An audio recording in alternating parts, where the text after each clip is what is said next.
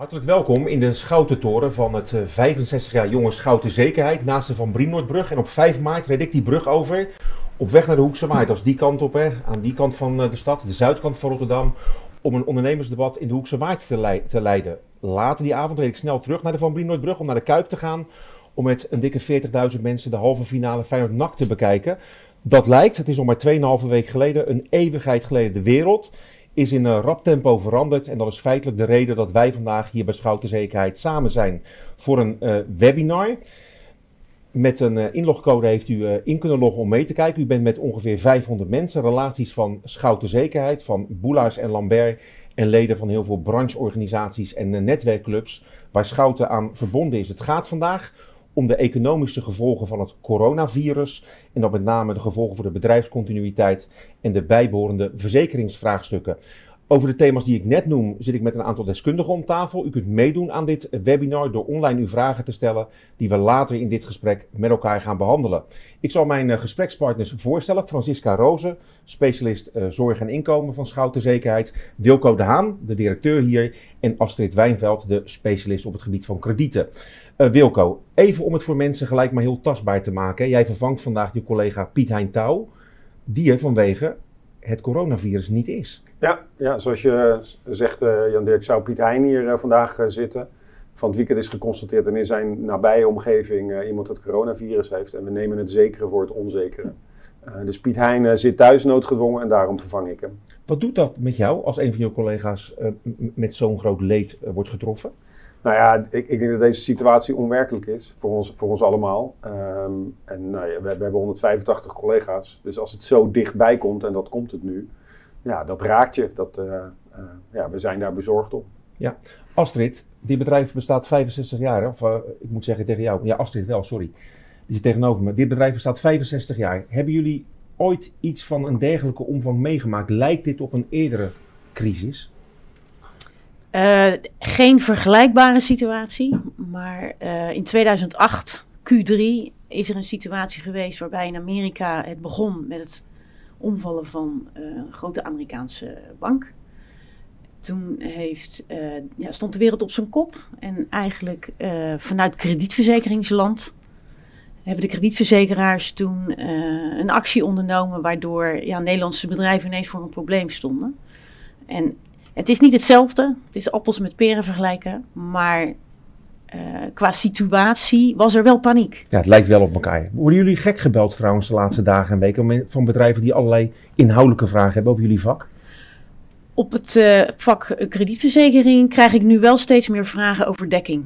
Dus echt dekking op hun klanten, waar, uh, ja, die niet afgegeven wordt, ingetrokken of gedeeltelijk ingetrokken. Dus daar ga ik nu vragen over krijgen.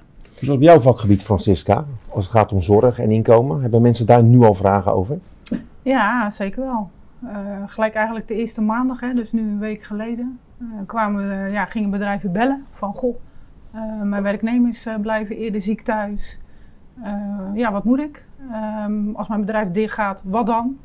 Dus uh, ja, daar hebben we zeker vragen over gekregen. Ja, ook, ja. ook, voor jullie persoonlijk heeft dit gevolgen? Wilco zegt het al, een dikke 180 mensen normaal in dit pand. Ja. Jullie werken ook al een week thuis. Hoe, hoe bevalt het jou persoonlijk? Nou, het is even wennen. Ja. Je zegt het met frisse tegenzin volgens mij. ja, dat klopt wel. Ik ben wel graag hier op kantoor, ja. Dus ik mis de collega's wel. Ja. Um, ja, dus het is fijn natuurlijk dat het kan. Dat je wat kan doen. En dat je dienstverlening gewoon voort kan zetten. Dat je er kan zijn voor de klanten. Maar uh, ja, ik vind het wel, uh, als het aan mij vraagt, vind ik het best uh, saai thuis. Ja, ja werkt ja. het technisch allemaal wel als je daar inlogt om je werk voor schouten zekerheid te doen? Ja, ja dat gaat, gelukkig gaat, dat wel, gaat het wel goed. Maar ja, je mist bijvoorbeeld een printer, iets praktisch. Hè? Als je dan bijvoorbeeld eens nog bulk te printen hebt, dat gaat nu niet. Dus nee. dat, ja, daar moet je dan wat praktische aanpassingen voor doen. Hoe is dat bij jou, Wilco, als directeur? Dat is best een grote operatie, denk ik, om dat allemaal te realiseren ja, dat uh, nou, met elkaar we, thuis we, kunnen werken? We waren redelijk voorbereid. Alhoewel ik moet zeggen dat we, ja, we hebben nu binnen een weekend van de vrijdag op de, de maandag, hebben we uh, zeg maar alles omgezet naar thuiswerken. Nou, dat was wel even, even spannend dat, uh, dat, dat weekend. Ja, nu net wat Francisca zegt, we zijn de eerste week met z'n allen thuis aan het, aan het werk. Op kantoor een hele minimale bezetting. Ja, je hebt toch ja, een beetje een onheimisch gevoel. Hè? Je, je kan mensen niet zien, je kan ze niet even aanspreken, je loopt er niet naartoe. Het moet allemaal digitaal. Dat werkt prima. Maar ja, we zijn met z'n allen aan het, aan, het, aan het winnen en ons aan het aanpassen. En tegelijkertijd zorgen dat we, ja, dat, dat we in de lucht blijven als bedrijf om, om relaties zeg maar, te kunnen blijven helpen. Want er, we worden inderdaad plat gebeld met vragen. Ja, ik begreep dat jullie gisteren nog even 185 grotere schermen voor mensen thuis hebben Ja. geregeld. Ja, ja, ja, thuiswerken op een laptopje is leuk als je het een paar uur eh, doet. Als je er een hele dag achter zit, ja, dan wordt dat kleine scherm wordt toch wel een, een klein beetje minder leuk. Eh, dus ja, daar hebben we van het weekend hebben we daar ook allerlei eh, investeringen gedaan. Om het thuis ook ja, goed te maken. Ja, hoe is dat voor jou? Even voor jou persoonlijke gevolgen deze grote crisis? Ja, wel Je zou de zeker. marathon lopen, hè? Ja, dat klopt. Was helemaal eh, bezig in een schema het werken naar de piek om op 5 april de marathon van Rotterdam te lopen. Ja. En toen kreeg ik het bericht dat dat niet doorging.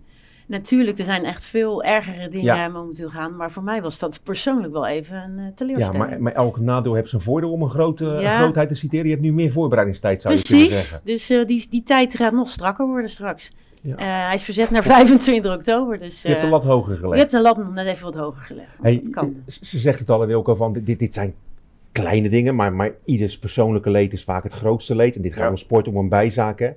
Ehm, he- hebben jullie je als bedrijf hierop kunnen voorbereiden überhaupt? Kan dat? Kan dat? Ja, nee. Kijk, tuurlijk, we hebben een bedrijfscontinuïteitsplan, zoals vele bedrijven. Eh, ja, en daar denk je na wat er allemaal kan gebeuren. Dus ook uitwijk hebben we, hebben we geregeld. Ja, dat je van de een op de andere dag met z'n allen thuis moet werken, dat je niet meer naar kantoor kan. Ja, ik denk dat dat een scenario was ja, wa- waar wij niet aan gedacht eh, eh, hebben. Dus je bent continu aan, het, aan, het, aan het aanpassen en aan het meebewegen. Ja, we- weet je of klanten hiermee bezig waren? Of maakt dit alles anders en urgenter?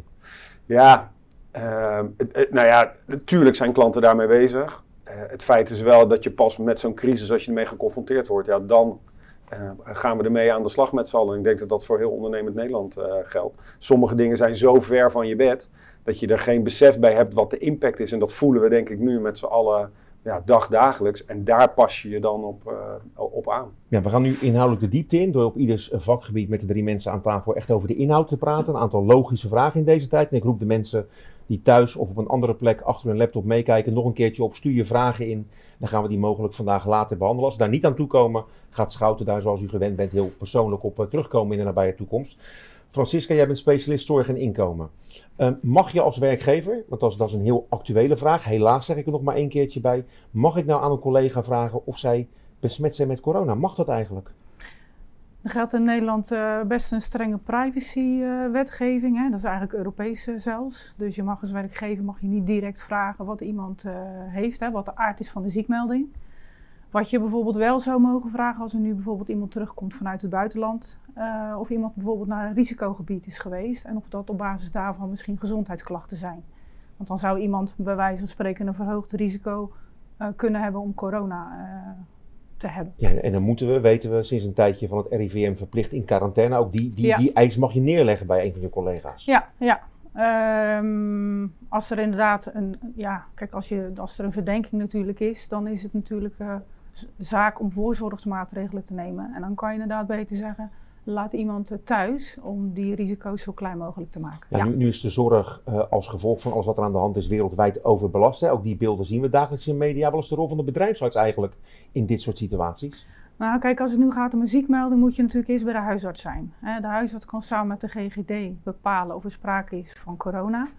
Eh, dus daar, daar, daar gaat een bedrijfsarts niet over. Een bedrijfsarts die, die heeft als rol om te kijken op de, de klachten die er zijn, die een werknemer heeft, of die dan zijn werk nog kan doen of niet. Ja, is dit nou gedekt in een ziekteverzuimverzekering? Want dit, dit is voor iedereen nieuw, kan ik me voorstellen. Ja, nou kijk, eh, een ziekteverzuimverzekering die dekt eh, loondoorbetalingsverplichting bij ziekte. Dus als er om een medische reden eh, een werknemer niet in staat is om te werken, dan biedt dat dekking op een ziekteverzuimverzekering. Mhm. dus dat is nog onafhankelijk van de oorzaak. Eh, als het nu specifiek over corona gaat, ehm, ja, dan, dan is het dus zo dat mensen die in quarantaine zitten, hè, dus eh, als voorzorgsmaatregel, ja, dan is er dan geen sprake van een ziekmelding. Mhm. Ehm, en bijvoorbeeld werknemers die nu bijvoorbeeld met een verkoudheid, met een lichte verkoudheid, waar je bijvoorbeeld voorheen nog wel gewoon mee aan het werk ging, die blijven nu natuurlijk ook thuis. Ja, Omdat is, ook, dat het, is ook wat eh, aangeraden ja, wordt. ik wou Ja, net zeggen, dat ja. is ook het advies. Hè? Ja, dan is dat ook geen, geen, geen ziekmelding. Dat is toch wel apart, of niet?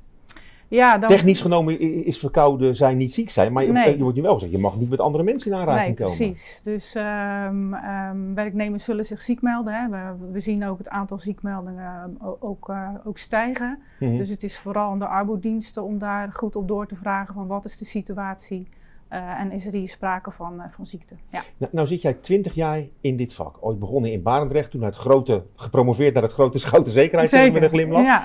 Ehm, rea- reageert de markt op, al, al op wat er aan de hand is? Zie je grote verzekeraars al de spelregels veranderen? Eh, ja, verzekeraars die werden natuurlijk hier ook in één keer eh, mee verrast. Hè? Ja. Want eh, voor iedereen was dit denk ik een verrassing, de snelheid waar dit in gebeurde.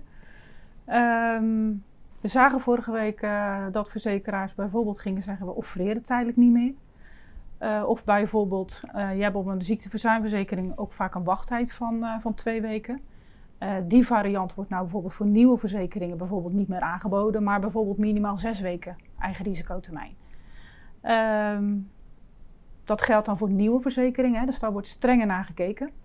Als het dan gaat om bestaande verzekeringen, dan ehm, zijn bijvoorbeeld tussentijdse dekkingsuitbreidingen Mhm. bijvoorbeeld eh, niet meer mogelijk of minder makkelijk. Dus eh, ja, die verzekeringsmarkt die wordt moeilijker. Ja. Dat is aan de kant van verzekeraars, maar we Ja. zeggen met elkaar niet voor niets nood breekt wetten. Zie je bedrijven nu ineens acteren dat ze alsnog die verzekering wel willen afsluiten? ja, zeker. Ja. Dan heb jij een treurige boodschap. eh. Nou ja, we gaan, het, eh, nou, we gaan natuurlijk kijken Ja. wat er nog mogelijk is. Maar bedrijven die gingen zich in één keer veel meer realiseren van ja, je personeel is natuurlijk je duurste kostenpost normaal gesproken. En als het dan om ziekte gaat, ja, dan gaat het ineens over heel veel geld. Dat was natuurlijk altijd al zo. Alleen ja, nu is die, eh, realiseert men zich dat veel beter, wat voor financiële risico's daaraan hangen. Ja. Hey, het, het is nieuw, hè? dat zeggen we met elkaar vaak, maar, maar is ook zeer terecht. Iedereen moet wennen aan wat er nu is. Ja. Een van de vragen die breed leeft bij mensen, want, want school en kinderopvang zijn gesloten. Heb ik dan recht op calamiteitenverlof? Dat is een van de logische vragen die, die, die nu leeft bij mensen. Ja, nou ja, vooral vorige week was dat natuurlijk. Hè. Toen werd zondag pas bekend dat de scholen drie weken dicht gingen. Dus toen eh, kwamen maandag eh, de werknemers van ja, kinderen blijven thuis, dus ik kom ook niet. Mhm, mhm. Eh, dan is er inderdaad sprake van calamiteitenverlof. Eh, dus dan krijg je de gelegenheid om iets te regelen. eh, zodat je dan daarna toch weer aan het werk kan. Maar ja, dat calamiteitenverlof, dat is natuurlijk niet voor de drie weken dat de scholen nou dicht zijn. En misschien nog wel langer bedoeld. Dus dat is echt een tijdelijke maatregel. Eh, zodat je iets kan regelen om daarna weer eh, te kunnen werken. Ja. Duizenden, honderdduizenden mensen werken thuis. Noodgedwongen thuis. Moet je dan als werkgever ook voor een veilige werkplek zorgen? Nou, ook dat is iets ja, waar zeker. weinig mensen aan gedacht zullen hebben, denk ik. Ja, misschien wel. Eh, er zullen bedrijven zijn die natuurlijk al de mogelijkheid hadden voor thuiswerken. Dus dan is daar waarschijnlijk al wat meer aandacht voor Mhm. geweest. Maar als dat nu voor het eerst is, eh jazeker. De arbeidsomstandighedenwet geldt ook voor thuiswerken. Misschien iets minder streng dan wanneer je op een bedrijf aanwezig bent. Maar het is wel zaak dat je natuurlijk als werkgever eh, in ieder geval de voorzieningen treft, zodat iemand ook in een veilige en gezonde situatie thuis kan werken. Ja, kan de arbeidsdienst ook eisen stellen aan die werkplek? Nou ja, je moet eh, bijvoorbeeld wel goed opletten aan een goede stoel en, en een goede tafel, een goede verlichting. En natuurlijk ook de eh, apparatuur waarmee je werkt, eh, die moet goed zijn. Eh, want je wil natuurlijk niet, als we straks hopelijk met z'n allen weer eh, gewoon aan het werk kunnen, dat mensen allerlei lichamelijke klachten hebben dan op basis van het feit dat je niet goed hebt gezeten.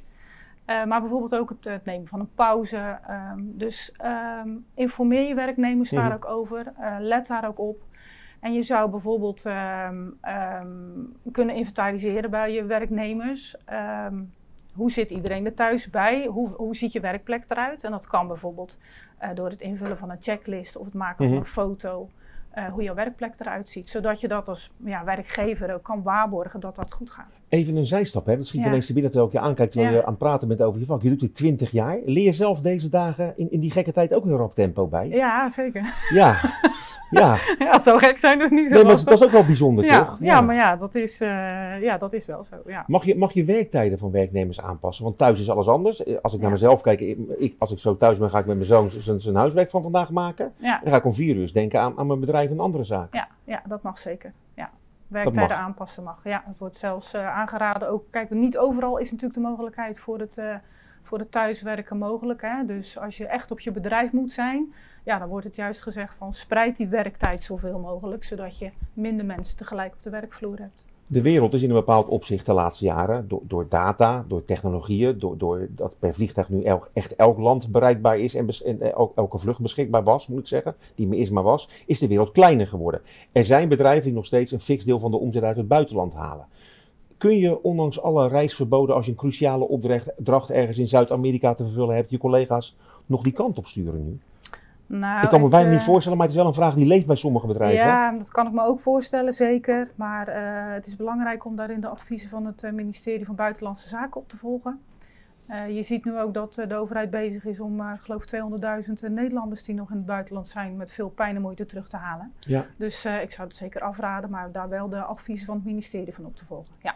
Rutte zei vorige week, het gaat om nationale iconen als KLM, maar ook om de ZZP'er. Zelf ben ik ook actief als hoofdredacteur bij Friends in Business. We hebben een groepsapp met 30 fotografen, videografen, tekstschrijvers. En ik schat echt zomaar in dat 70%, 90% van het werk kwijt is. Ja. Kun je iets, als je mensen in dienst hebt, hè, dat geldt niet voor die ZZP'er, kun je iets in, in, in de beloningssfeer doen nu je omzet weg is en bij sommige bedrijven zelfs nul is? Eh, nou, vorige week heeft eh, de overheid natuurlijk een pakket met maatregelen bekend eh, gemaakt. Mhm. Ik neem aan dat je daarop doelt. ja, ja. Minister Koolmees die heeft aangegeven dat, er een, dat de regeling werktijdverkorting, dat, er waar al een heleboel bedrijven een beroep op hadden gedaan, dat die stop is gezet en die wordt vervangen door een tijdelijke maatregel overbrugging werkbehoud. Mhm. En dat betekent dat bedrijven die dus een omzetverlies hebben van meer dan 20%, die maatregel die gaat in vanaf 1 maart. Mhm. Eh, dus als jij 100% omzetverlies hebt, dan krijg je 90% van je loonkosten vergoed. Mhm. Ehm, en dat is natuurlijk een nieuwe maatregel. Normaal gesproken dan duurt dat natuurlijk lang hè, voordat dat eh, Mhm. eh, handen en voeten heeft. Dus daar wordt nu heel hard aan gewerkt. Dus het raamwerk is bekend. Ehm, er wordt in eerste instantie dan ook gewerkt met een voorschot van 80%. En dan achteraf wordt gekeken op basis van het daadwerkelijke omzetverlies. Hoeveel je aan compensatie voor die loonkosten dan eh, terugkrijgt als bedrijf. En nu zijn jullie er als Schouten Zekerheid niet om die wettelijke regelingen uit te voeren. Maar wat Nee. kun je wel naar ondernemers en klanten toe op dit moment, op dit gebied? Eh, nou ja, wij gaan natuurlijk kijken wat we kunnen doen. Ehm, kijk, er zullen bedrijven nu ehm, moeite gaan krijgen met het betalen van de premies. Mhm. Dus we gaan kijken of wij bijvoorbeeld betalingstermijnen aan kunnen passen. Eh, dat we bedrijven zoveel mogelijk tegemoet komen om ze de gelegenheid te geven om de premie te voldoen. Mhm. Om er in ieder geval voor te zorgen dat de dekking van de verzekering niet in gevaar komt. Want dat is natuurlijk iets wat we met z'n allen niet willen. Nee. Dus we willen zeker graag een partner zijn voor, eh, voor onze relaties. Dus als er vragen zijn, eh, bel ons gerust, want daar zijn we ook voor. Ja, en en voor de mensen die meekijken, u krijgt nog een whitepaper met alles wat hier besproken is. Nog een aantal extra onderwerpen krijgt u thuis gestuurd per mail om, eh, om dit allemaal nog een keertje na te lezen. En ook deze uitzending, laat ik die term toch maar even gebruiken. Zeker met mijn achtergrond, die, die blijft online. Dus je kunt nog een keertje terugkijken en eh, uw onderwerpen nog even bijpakken. Wilco, ja, het ging over wat jullie wel voor klanten kunnen doen in deze periode. Kun, kun je daar meer over zeggen? Hoe kunnen jullie klanten wel blijven helpen vanaf die thuiswerkplekken? Nou ja, er zijn natuurlijk heel veel vragen. Eh, Je stelt ze net aan, aan Francisco op, op, op dit domein. Maar die, die zijn natuurlijk in de breedte over risico's, over ondernemen en de verzekeringsportefeuille. Dus wat we, het, het belangrijkste is wat we doen, is dat we, we zijn open. Eh, alle collega's zijn aan het werk en, en we beantwoorden vragen. Eh, en nu meer en sneller dan, dan, dan, dan, dan ooit. Dus er zijn Ja, ja. Kun je je überhaupt verzekeren als bedrijf tegen het nieuwe fenomeen coronavirus? Ja, dat is een veelgestelde vraag eh, de laatste weken. Je ziet, ja, zo'n crisis brengt ook een vraag met zich mee. Hè. Had ik me hier tegen kunnen verzekeren? Zo'n pandemierisico, eh, Jan Dirk, is een, is een dermate onbegrepen risico's. We hebben er relatief als verzekeringsmarkt en verzekeraars heel weinig verstand van. En, en er is heel weinig data over. Ja, gelukkig maar zou ik bijna zeggen. Nou ja, Ja, Klinkt een gelukkig beetje gek, Nee, ja, ja. he- helemaal met je eens. Ehm, dat brengt met zich mee dat het heel lastig te, te calculeren en daardoor ook te prijzen is. Dus er is feitelijk op dit moment nog geen zeg maar, adequate oplossing Mhm. om zo'n risico eh, af te dekken. Gaat dat er wel komen met jouw kennis en kunde op termijn? Want, want jouw markt zal reageren op wat er nu aan de hand Nou, is. dat, dat, dat, dat gebeurt ook. Ja. Ehm, dat- dan moeten we met name naar de Engelse markt eh, kijken. Daar zie je nu, en in Amerika overigens, zie je heel veel vragen ontstaan. Eh, maar data is het allerbelangrijkste. Dus alle data die nu verzameld wordt, gaat gebruikt kunnen worden om modellen te maken. Eh, er moet dan wel weer voldoende vraag zijn, zodat het ook betaalbaar eh, wordt. Ehm, de voorspelling is dat dit niet de laatste pandemie gaat, Nee, gaat zijn. nee, Dus ik denk dat dat met zich mee gaat brengen, dat die markt zich gaat ontwikkelen en dat daar een oplossing mogelijk gaat komen. En dit zijn algemene bespiegelingen. bespiegelingen. E- Ja. Even nog wat inhoudelijke vragen. Hoe werkt het eigenlijk met reisverzekeringen op dit moment? Want we mogen niet meer reizen. Nee, en, en daarin is in, in zijn algemeenheid is lastig te zeggen of dat wel of niet verzekerd is. Dat hangt van Mhm. de voorwaarden af van de, de individuele reisverzekeraars. Niet iedereen heeft zijn eigen voorwaardenset of uitsluitingen. Dus daarin is het advies op het moment dat je daarmee geconfronteerd bent, hè, want inmiddels zullen weinig mensen meer gaan, eh, gaan reizen. eh, eh, zo- zoek contact met ons en samen kijken we in de voorwaarden zeg maar, van de polis om te kijken of er wel of niet een, een dekkingsgrondslag is. Ook een logische vraag, althans nieuw, maar logisch in deze situatie, in deze tijd. Kun je nou, want het gaat in jullie vak altijd om aansprakelijkheid, kun je als werkgever aansprakelijk worden gesteld? Als iemand bij jou op kantoor of op een bouwplaats waar die eh, persoon actief is geweest, kan je aansprakelijk worden gesteld? Ehm, en, en dan bedoel je als iemand corona heeft opgelopen? Ja, ja. Ja, dat is eh, een, een vraag die we, die we ook vaak horen de laatste tijd. En dat is, ja, zoals altijd met aansprakelijkheid en de recht, is Hmm. heel situationeel. Ja, daar is natuurlijk nog geen enkele jurisprudentie eh, over. Ik denk dat iedere werkgever in Nederland zijn best doet om te zorgen dat zijn mensen gezond eh, blijven. En dus er zal geen intentie zijn om mensen ziek, eh, ziek eh, ja, te laten worden. En als het dan gebeurd is, is het ook heel lastig te achterhalen. Waarschijnlijk, ja, hoe is dat dan gekomen? Waar is die besmetting eh, eh, ontstaan? Vermoedelijk zullen er wel claims komen, Jan Dirk. En dan vanuit die situatie gaan we zien of er door een rechter aansprakelijkheid wordt, eh, wordt, eh, ja, wordt erkend of toege- toegewezen. Weer over aansprakelijkheid. Als Ja. ik niet kan leveren aan derden, buiten mijn schuld om. Ja, Ook dat gebeurt nu volop. dat klopt. En daar heb je vaak contracten die daaraan ten grondslag eh, liggen. Eh, vaak kennen die contracten een overmachtsclausule. En ik durf wel te zeggen dat in deze situatie met wat er om ons heen gebeurt, dat er echt wel sprake is van, van overmacht. En dat dat dus eh, zeg maar contractueel een, een opening biedt. Tegelijkertijd denk ik dat je in dit soort situaties altijd met elkaar in contact moet treden. Want eh, eh, eh, het feit dat jij niet kunt leveren, de vraag is of waar jij aan levert dan wel kan leveren gezien de situatie. Dus we zitten met z'n allen ja, in deze hele, hele uitdagende situatie. Dus het advies wat we geven is, hou contact. Hou contact met je klanten, hou contacten met je toeleveranciers, hou contact met je personeel. Mhm. Want samen zitten we erin en samen moeten we er ook uit zien te komen. Nog één keer over die toespraak van Rutte. Iconen als KLM, hele grote werkgevers. En aan de andere kant van het spectrum die 1 miljoen ZZP'ers in Nederland. Iedereen, tenminste iedereen, heel veel bedrijven, mensen verdienen minder geld dan ooit. Ja. En willen misschien ook wel bezuinigen op die verzekeringsportefeuille. Ja. Wat zegt Wilco de Haan, de directeur van Schouten, als mensen je daarover bellen? Nou ja, terechte vraag. Hè? Eh, eh, liquiditeit en geld is natuurlijk Ja. heel erg belangrijk. En mensen maken zich zorgen, er is onzekerheid.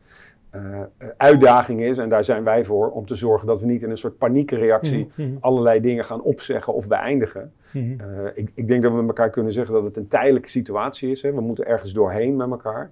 Het zou heel onverstandig zijn om rukzichtloos polissen te beëindigen of dekkingen door te halen.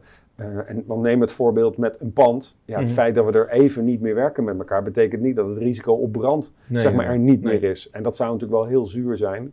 Eh, dat je naast deze crisis ook nog getroffen wordt door een on, eh, zeg maar afgebrand pand wat, wat ook niet verzekerd is. Hey, dit snapt iedereen, hè? maar zijn er wel andere type verzekeringen die je wel kan opschorten?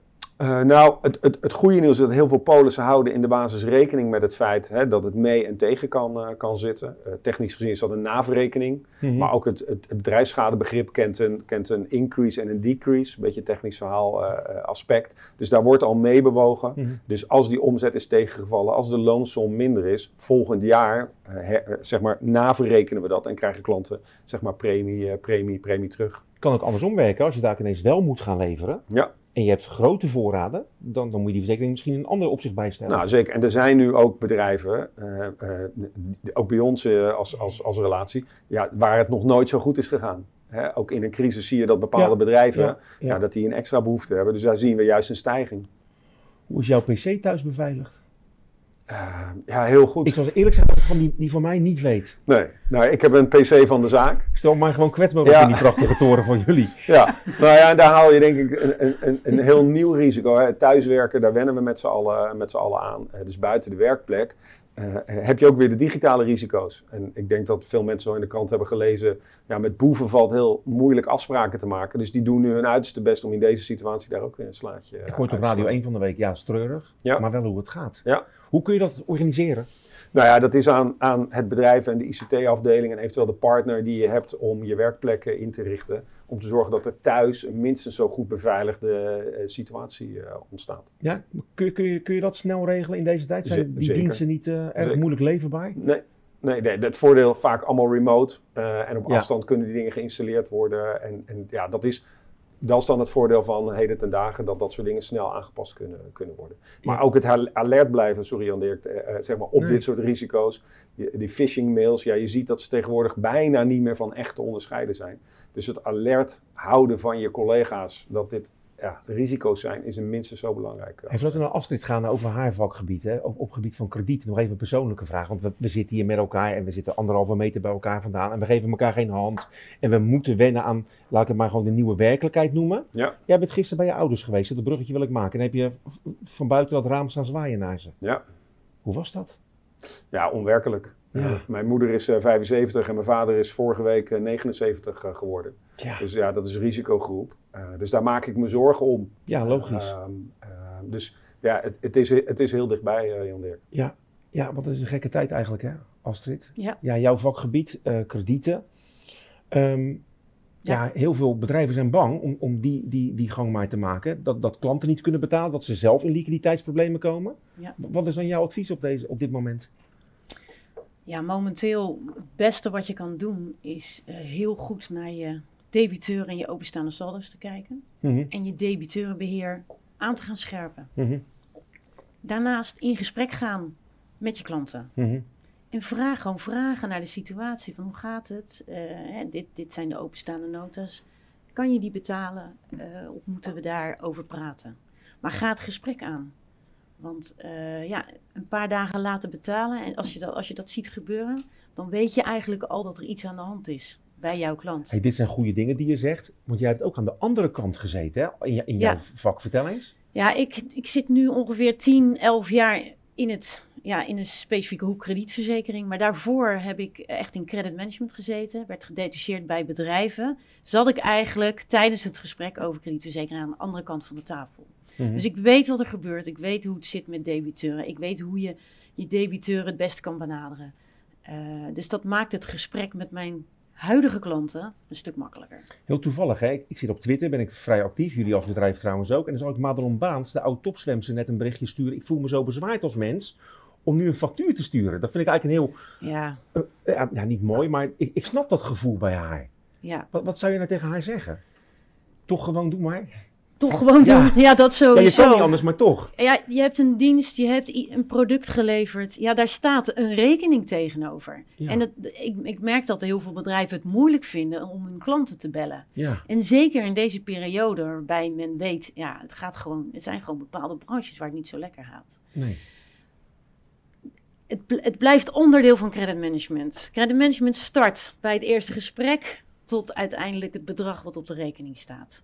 Mhm. En hoe vervelend die gesprekken ook zijn, eh, toch doen. Ja, het gaat ook om maken jouw ook, ja. liquiditeit. Ja. En eh, het is de bedoeling dat jij als bedrijf blijft staan. En eh, daar horen ook dat soort gesprekken bij. Ik sprak vorige week donderdag via Skype een directeur van een middelgroot bedrijf. Die hebben ongeveer 50 grote klanten. Die zegt, ik heb ze allemaal gebeld. Nog even los van het feit of, Ja. of er rekeningen open zijn. Ik heb gewoon contact met ze. Hoe gaat het? Hoe kunnen we elkaar helpen? Ja. Ja, dat lijkt me het ultieme voorbeeld van hoe het wel moet. Ja, tuurlijk. Dat is perfect. Kijk, eh, debiteurenbeheer is een stukje fin- financieel, een financiële kant. Hè, want je Mhm. gaat bellen over je openstaande vordering. Maar het is ook een stukje commerciële kant. Want je hebt het contact met je klanten. Hoe meer contact met je klanten, hoe beter het is. Ja. Ga dat, blijf dat gesprek aangaan. Blijf in de gaten houden hoe het met ze gaat. Eh, dat, dat is echt heel belangrijk. Voor de mensen die zich afvragen waarom ik mijn telefoon al een tijdje op tafel heb liggen. Via deze telefoon krijg ik een aantal vragen door die jullie kunnen blijven stellen. En nogmaals, als we in dit uur niet aan die vragen toekomen, gaan we jullie later eh, via Schouten Zekerheid alsnog informeren via die whitepaper en andere manieren, moderne communicatiemiddelen die ons ter beschikking eh, staan. Als het even verder gaan. Eh, Het gaat slecht met sommige bedrijven. De horeca in die stad grote de laatste jaren is, is Rotterdam hip en happening, maar ook in andere delen van Nederland. Ja. Kun je als bedrijf anticiperen op faillissementen? Als een bedrijf nu failliet gaat en jij Mhm, hebt daar mhm. nog een openstaande rekening mee en je hebt geen kredietverzekering, Mhm, ja, dan gaat het lastig worden. Eh, dan zal je het moeten aanmelden en zal de curator eh, de zaak Mhm. op zich nemen.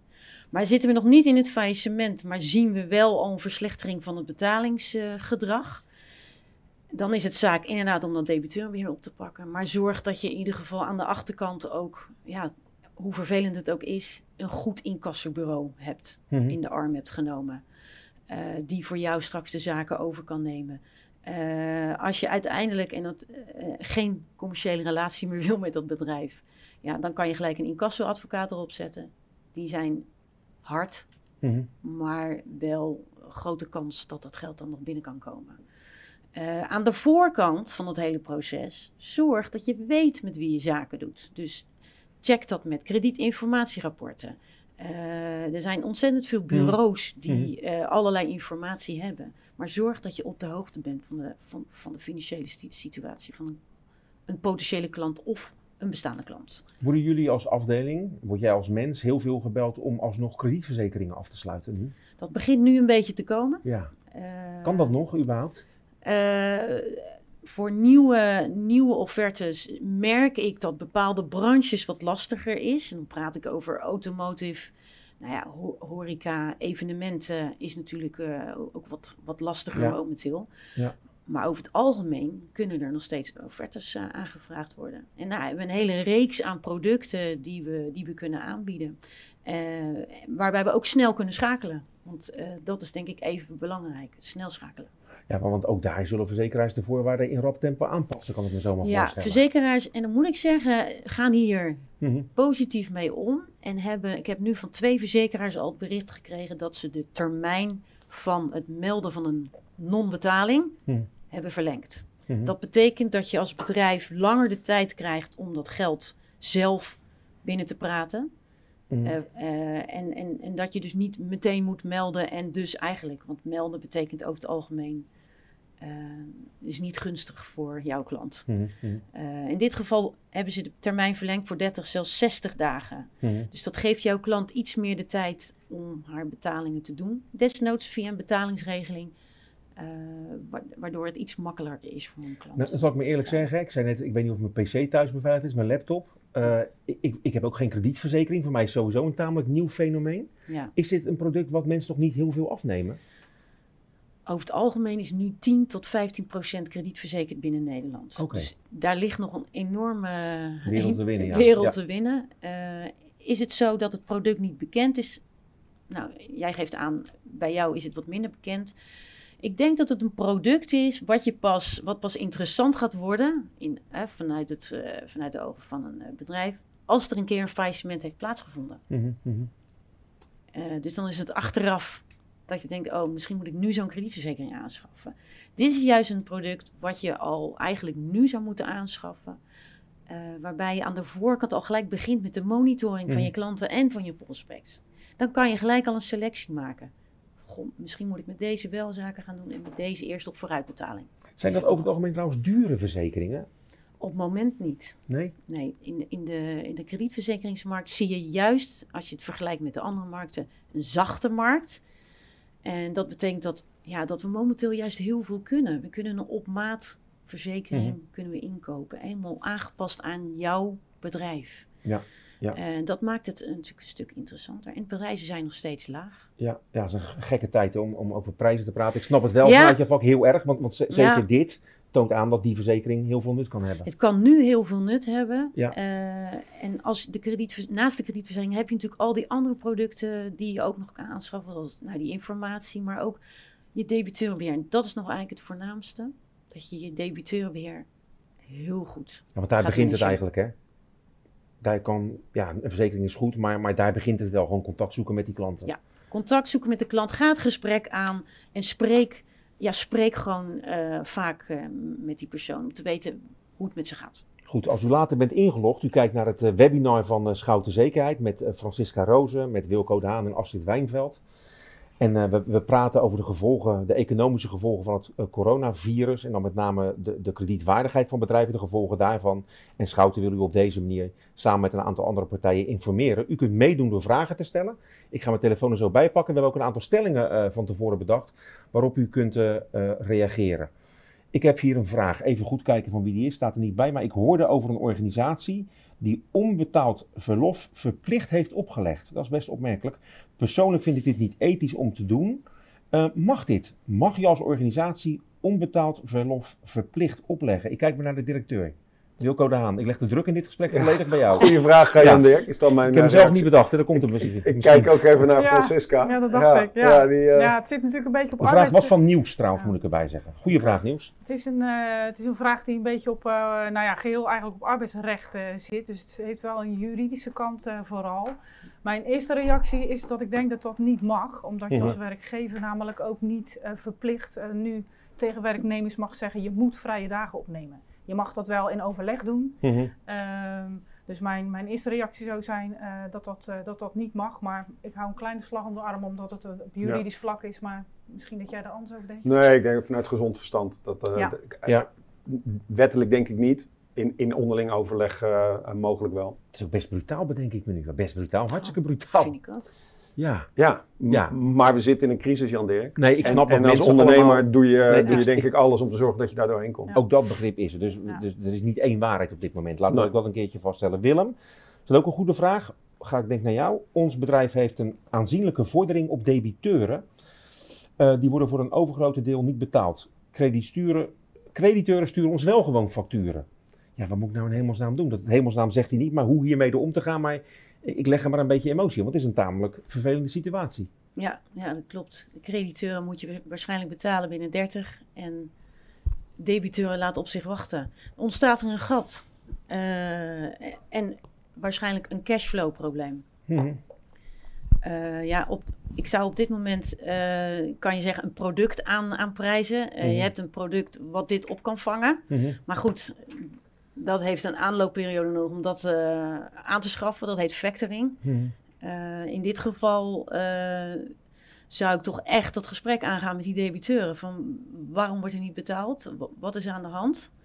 Kunnen we dit oplossen met een betalingsregeling? In, in delen op de... Ja, dus weer aan de voorkant contact zoeken, wat je net ook al zei. Ja, toch? lukt dat Ja. niet, ja, dan zou je eigenlijk een, een prioriteit moeten gaan stellen in al die klanten. Een soort top 10. En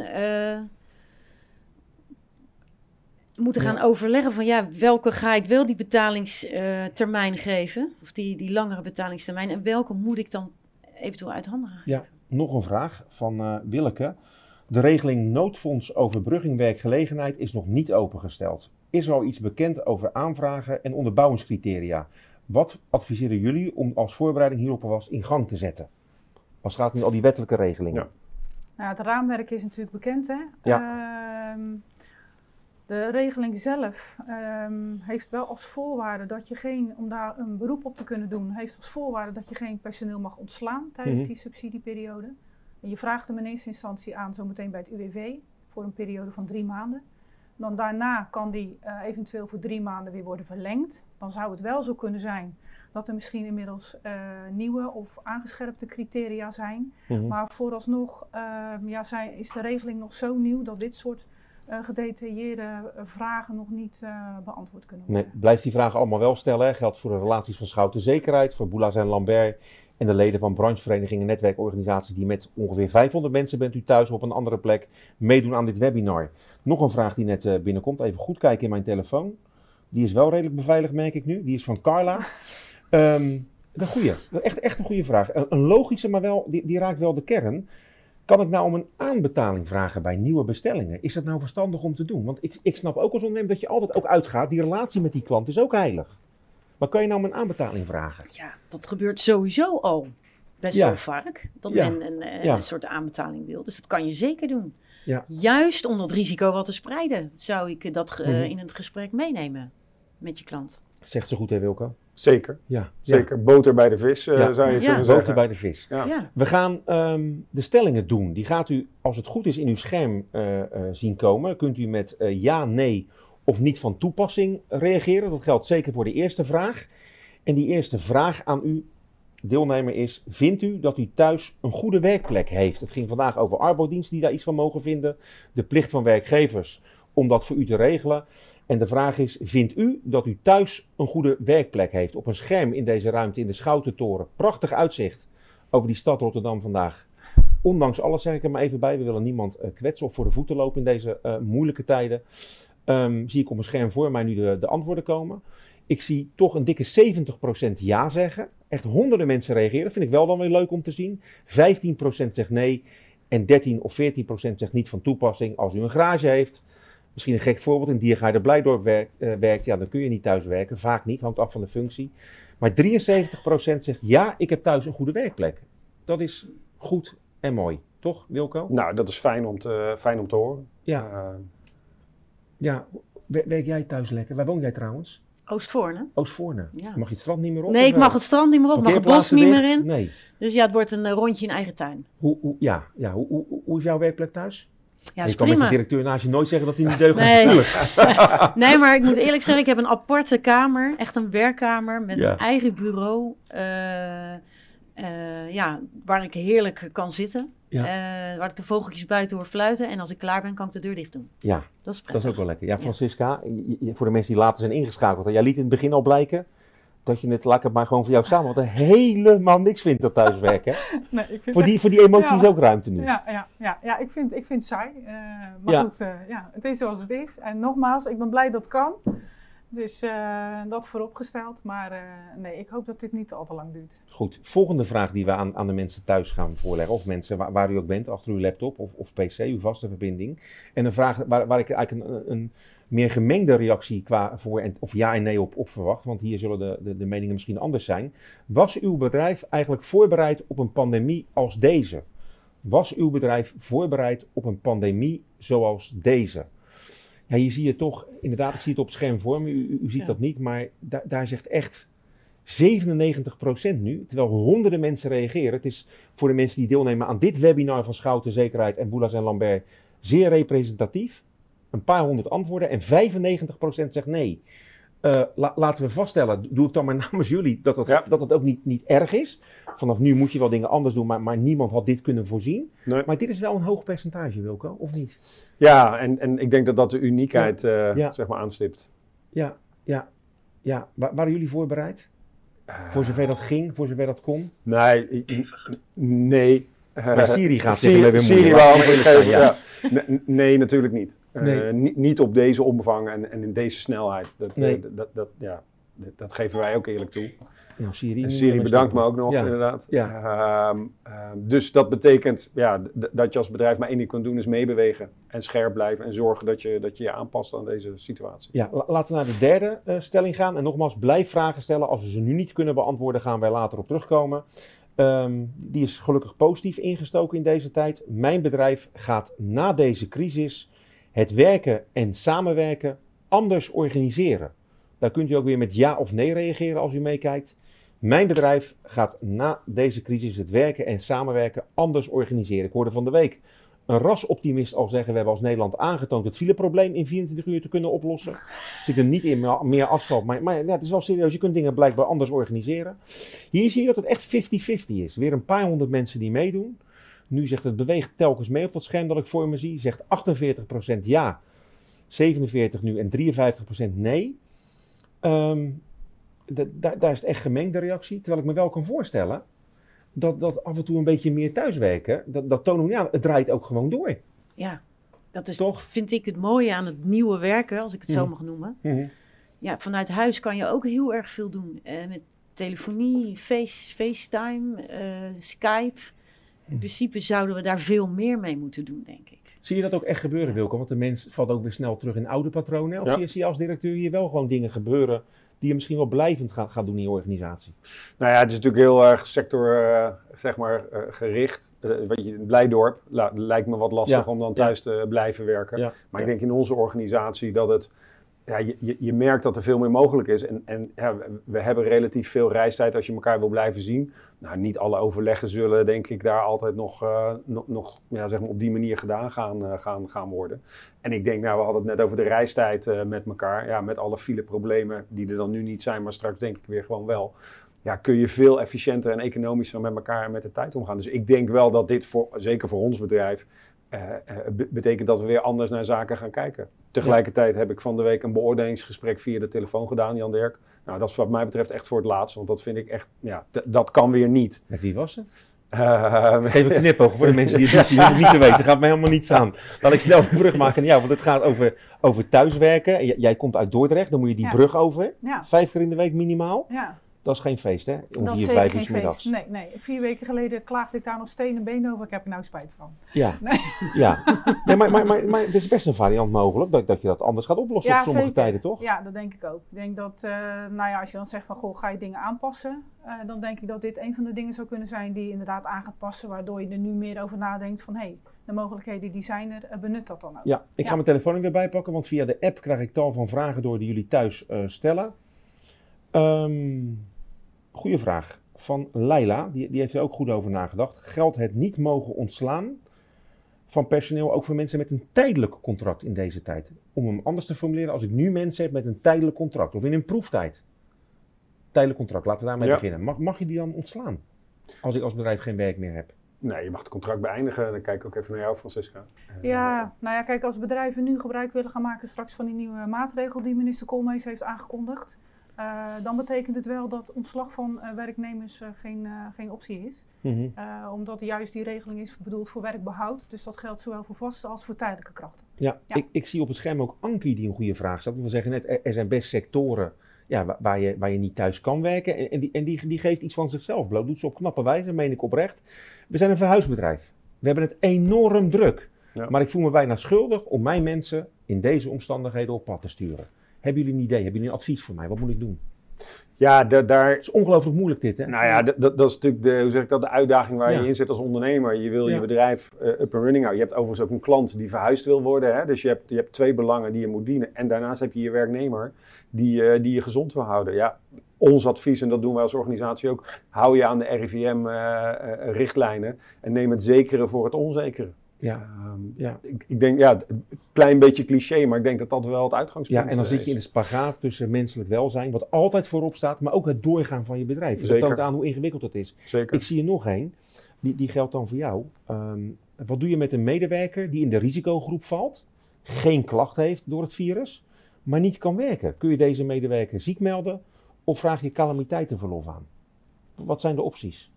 Ehm, kijk, als je kan iemand eh, ziek melden als er daadwerkelijk eh, iemand niet in staat is om te werken. Dan hebben we het over een ziekmelding. Hmm. Eh, als het gaat om, om een situatie waarin er tijdelijk iets geregeld moet worden, hè, dus een, een, een, een, acute Mhm. situatie, hè, Mhm. zoals bijvoorbeeld die, die kinderopvang die vorige week maandag in één keer geregeld moest worden, dan is er sprake van calamiteitenverlof. Dan hebben we in Nederland ook nog een regeling van kortdurend zorgverlof. Eh, maar dat geldt dan bijvoorbeeld als er sprake is eh, dat je een, een ziek kind thuis hebt eh, of een zieke partner die verzorgd moet worden, dan kan je gebruik maken van zo'n kortlopend zorgverlofregeling. Mhm, mhm, mhm. Maar die duurt dan voor maximaal twee weken. Dus als jij een, een arbeidsduur hebt van drie dagen per week, dan kan je twee keer drie dagen, dus is zes dagen van het kortdurend zorgverlof gebruik maken. Oké, dat zijn de opties die jullie hebben. Een vraag die voor jou denk ik interessant is, Astrid.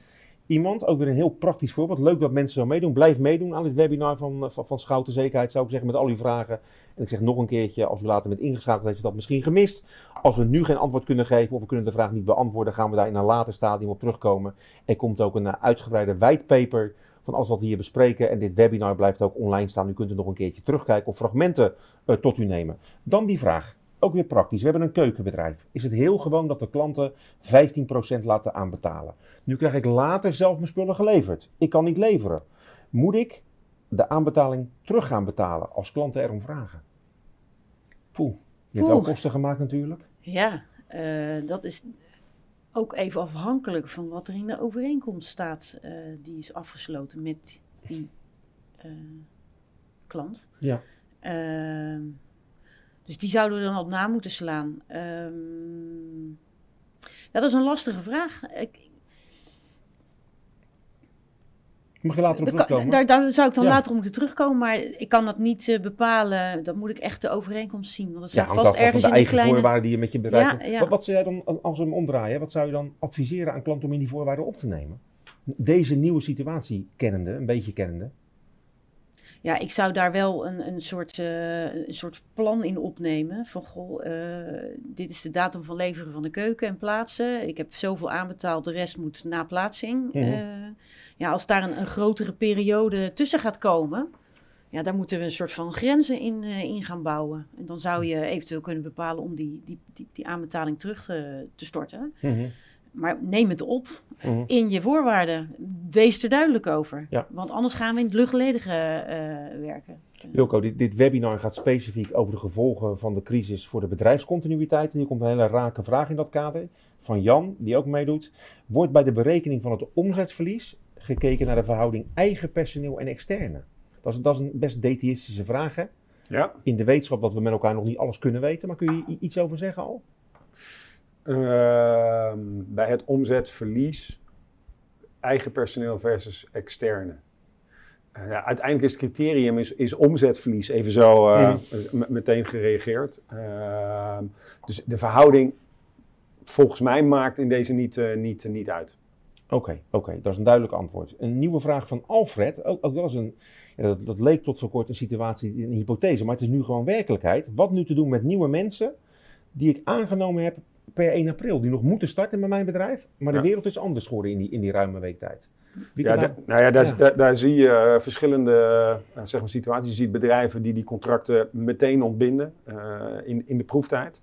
Dat is wat je ziet Mhm. gebeuren. Je ziet zeg maar, bedrijven die zeggen: Nee, ik heb die mensen een baan eh, beloofd, hebben een keuze gemaakt en die kom ik na. En ik doe mijn uiterste best om te zorgen dat je hier eh, zeg maar aan de slag eh, kunt. Mhm, Dus dit is natuurlijk heel erg situationeel. mhm. Hoe schat je de kansen in van je bedrijf om door deze crisis heen te komen? En heb je dan de ruimte om die mensen zeg maar, op, zeg maar als, als, als medewerker te mogen verwelkomen? Dat is natuurlijk heel erg uitdagend. Sterker nog, we hebben dat zelf ook. Maar er, er worden op het scherm ook, zie ik voor me, logische vragen gesteld waar je toch niet aan gedacht hebt. Robert, die zegt in onze arbeidsovereenkomst met de medewerkers staat dat werknemers een woon-werk reiskostenverzekering ontvangen. Kunnen we die vergoedingen tijdelijk stopzetten nu al onze medewerkers thuiswerken? Dat is Ja. kort samengevat zijn vraag. Wat doen we met de reiskosten? Ja, we zijn Ja. natuurlijk, ja, het is inderdaad een goede vraag. We zijn natuurlijk nu een week onderweg, eh, Mhm. om het dan maar zo te zeggen. Week 2 is nu eh, net ingegaan. Mhm. Ja, reiskosten die krijg je over een periode natuurlijk van een maand. Dus het is nog, nog maar even de vraag Ja. of we die maand vol gaan maken. Ehm, ja, ik moet eerlijk zeggen dat ik het antwoord niet weet. Ehm, misschien dat de beste personeelsleden zijn als het niet zo goed met het bedrijf gaat. Dat werknemers zelf wel gaan zeggen van, goh, ehm, ik, ik doe daar afstand van. Dus Ja. dat zal misschien ook een beetje per bedrijf verschillend zijn. Ja, Fred stelt ook een vraag. kan, weet ik niet. Nee. Fred. Dekkers, dat, dat is ook weer een inhoudelijke vraag. En nogmaals, we, we behandelen al die vragen. We komen er later op terug, maar ik heb er ook eh, begrip voor. En u zult dat best snappen in deze tijd waarin alles nieuw is. Dat we niet alles gelijk paraat hebben, alle kennis. Maar Schouten zekerheid kennende, gaan ze dat voor u uitzoeken. Als de technicus met zijn hoofd voor het scherm weg kan, kan ik de vraag lezen. Dankjewel, beste vriend daar. U ziet het niet, maar wij wel al, al, bijna een uur, al, een paar uur zelfs. Hebben het hartstikke goed voorbereid.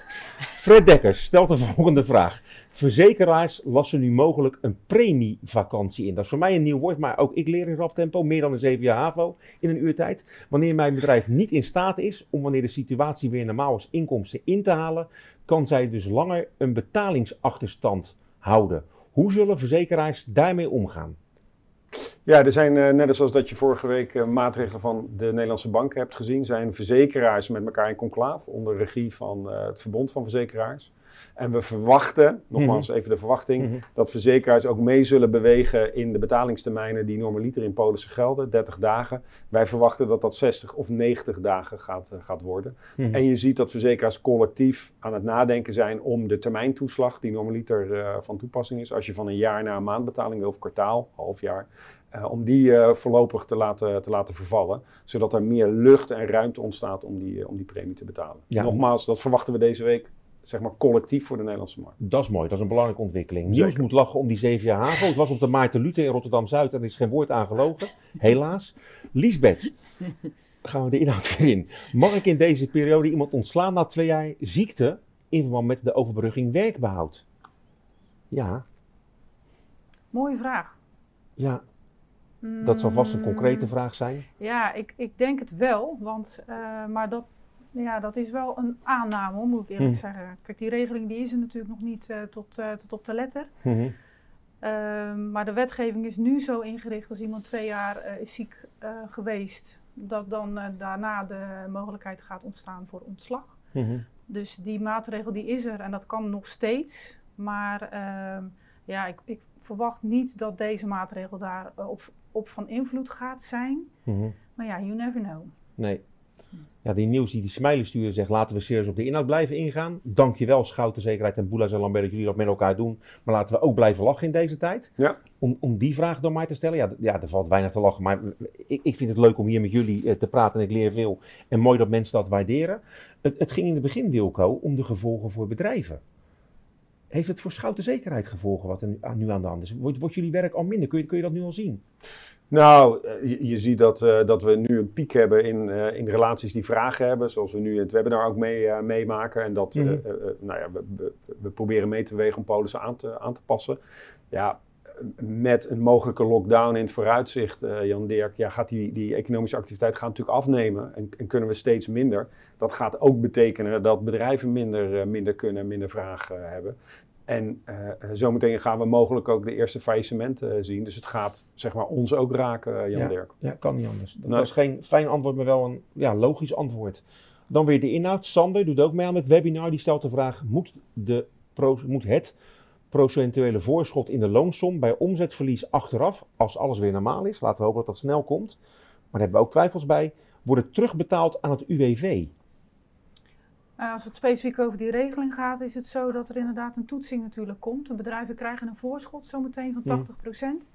Eh, achteraf wordt gekeken wat het omzetverlies daadwerkelijk is geweest. Ja. En dan zal je inderdaad, eh, gaat er een verrekening plaatsvinden als je te veel of te weinig hebt gekregen. En dan vindt daar een, ja, een, een bijbetaling of een terugvordering voor plaats. Ja, dat gaat Ja. inderdaad gebeuren. Ja. Ja, er er worden nog wat andere opmerkingen gemaakt. En nogmaals, als u eh, uw vraag wel gesteld heeft en hij is niet aan de orde gekomen in dit uur, dit webinar van Schouten Zekerheid, dan gaan we daar later nog een keertje op terugkomen. We gaan naar een afronding toe. Ehm, we begonnen met het feit dat jullie collega persoonlijk getroffen is. En we komen als land, al- al- als economie in een fase dat, dat mensen, werknemers in bedrijven, werkgevers, bedrijfseigenaren allemaal wel iemand kennen die hiermee te maken heeft. Ehm, jullie werken thuis met 185 mensen. Is daar, want ik denk dan als buitenstaander, daar, daar is genoeg te doen op dit moment. Is dat ook zo? Nu zeker. Nu Ja. zeker, ja. Op, op jouw vakgebied? Is Ja. iedereen met die kredietwaardigheid bezig? steeds meer, ik denk dat men steeds meer bezig is om, eh, om die vorderingen binnen te krijgen en daar een, eh, een soort van modus in te vinden. Hoe ga ik zorgen dat mijn openstaande nota's betaald gaan worden, zodat Ja. ik zelf niet onderuit ga? Ja. Ja zeker. Ja, en op jouw vakgebied, zorg en inkomen, da- da- da- dat is ook iets heel actueels. Meer dan ooit zou ik bijna zeggen. Ja, zeker. Ja. Dus daar, daar, valt, eh, daar valt natuurlijk veel over te vragen. En er zullen nu ook bedrijven zijn die eh, eh, ja, de behoefte hebben voor het afsluiten van de ziekteverzuimverzekering. Dus die vraag zien we, die zien we stijgen. Ja. Ik ga mensen bedanken voor het kijken en het meedoen. U ontvangt nog een link van dit webinar. Kunt u alles nog een keertje terugkijken op social media van Schouten Zekerheid. Geldt ook voor Boelas en Lambert, schat ik zomaar in. Gaan fragmenten terugkomen. U gaat een whitepaper krijgen waar u alles nog een keer eh, op uw gemak kan teruglezen. Kunt u veel meer de inhoudelijke diepte in. En als u eh, inhoudelijke vragen heeft, kunt u ook een telefonische afspraak maken of gebruikmakend van moderne technieken om met mensen van Schouten Zekerheid te communiceren. Ten slotte, het is, ik, ik sta vaak op een podium, zitten er mensen in de zaal. Dit, dit is een compleet andere dynamiek. Maar ik heb wel een fijn uur met jullie gehad. Hartstikke bedankt eh, daarvoor. Het was ook voor ons nieuw om dit zo te doen. Dus u ontvangt ook nog een vragenlijst. En dan kunt u in alle eerlijkheid, spaar me niet zou ik zeggen, zeggen wat u hiervan vond. Gewoon lekker doen. Bedankt voor het kijken. Succes en eh, sterkte zeg ik dan maar ten slotte in deze heel bijzondere en onwerkelijke tijd. Dank u wel voor het kijken.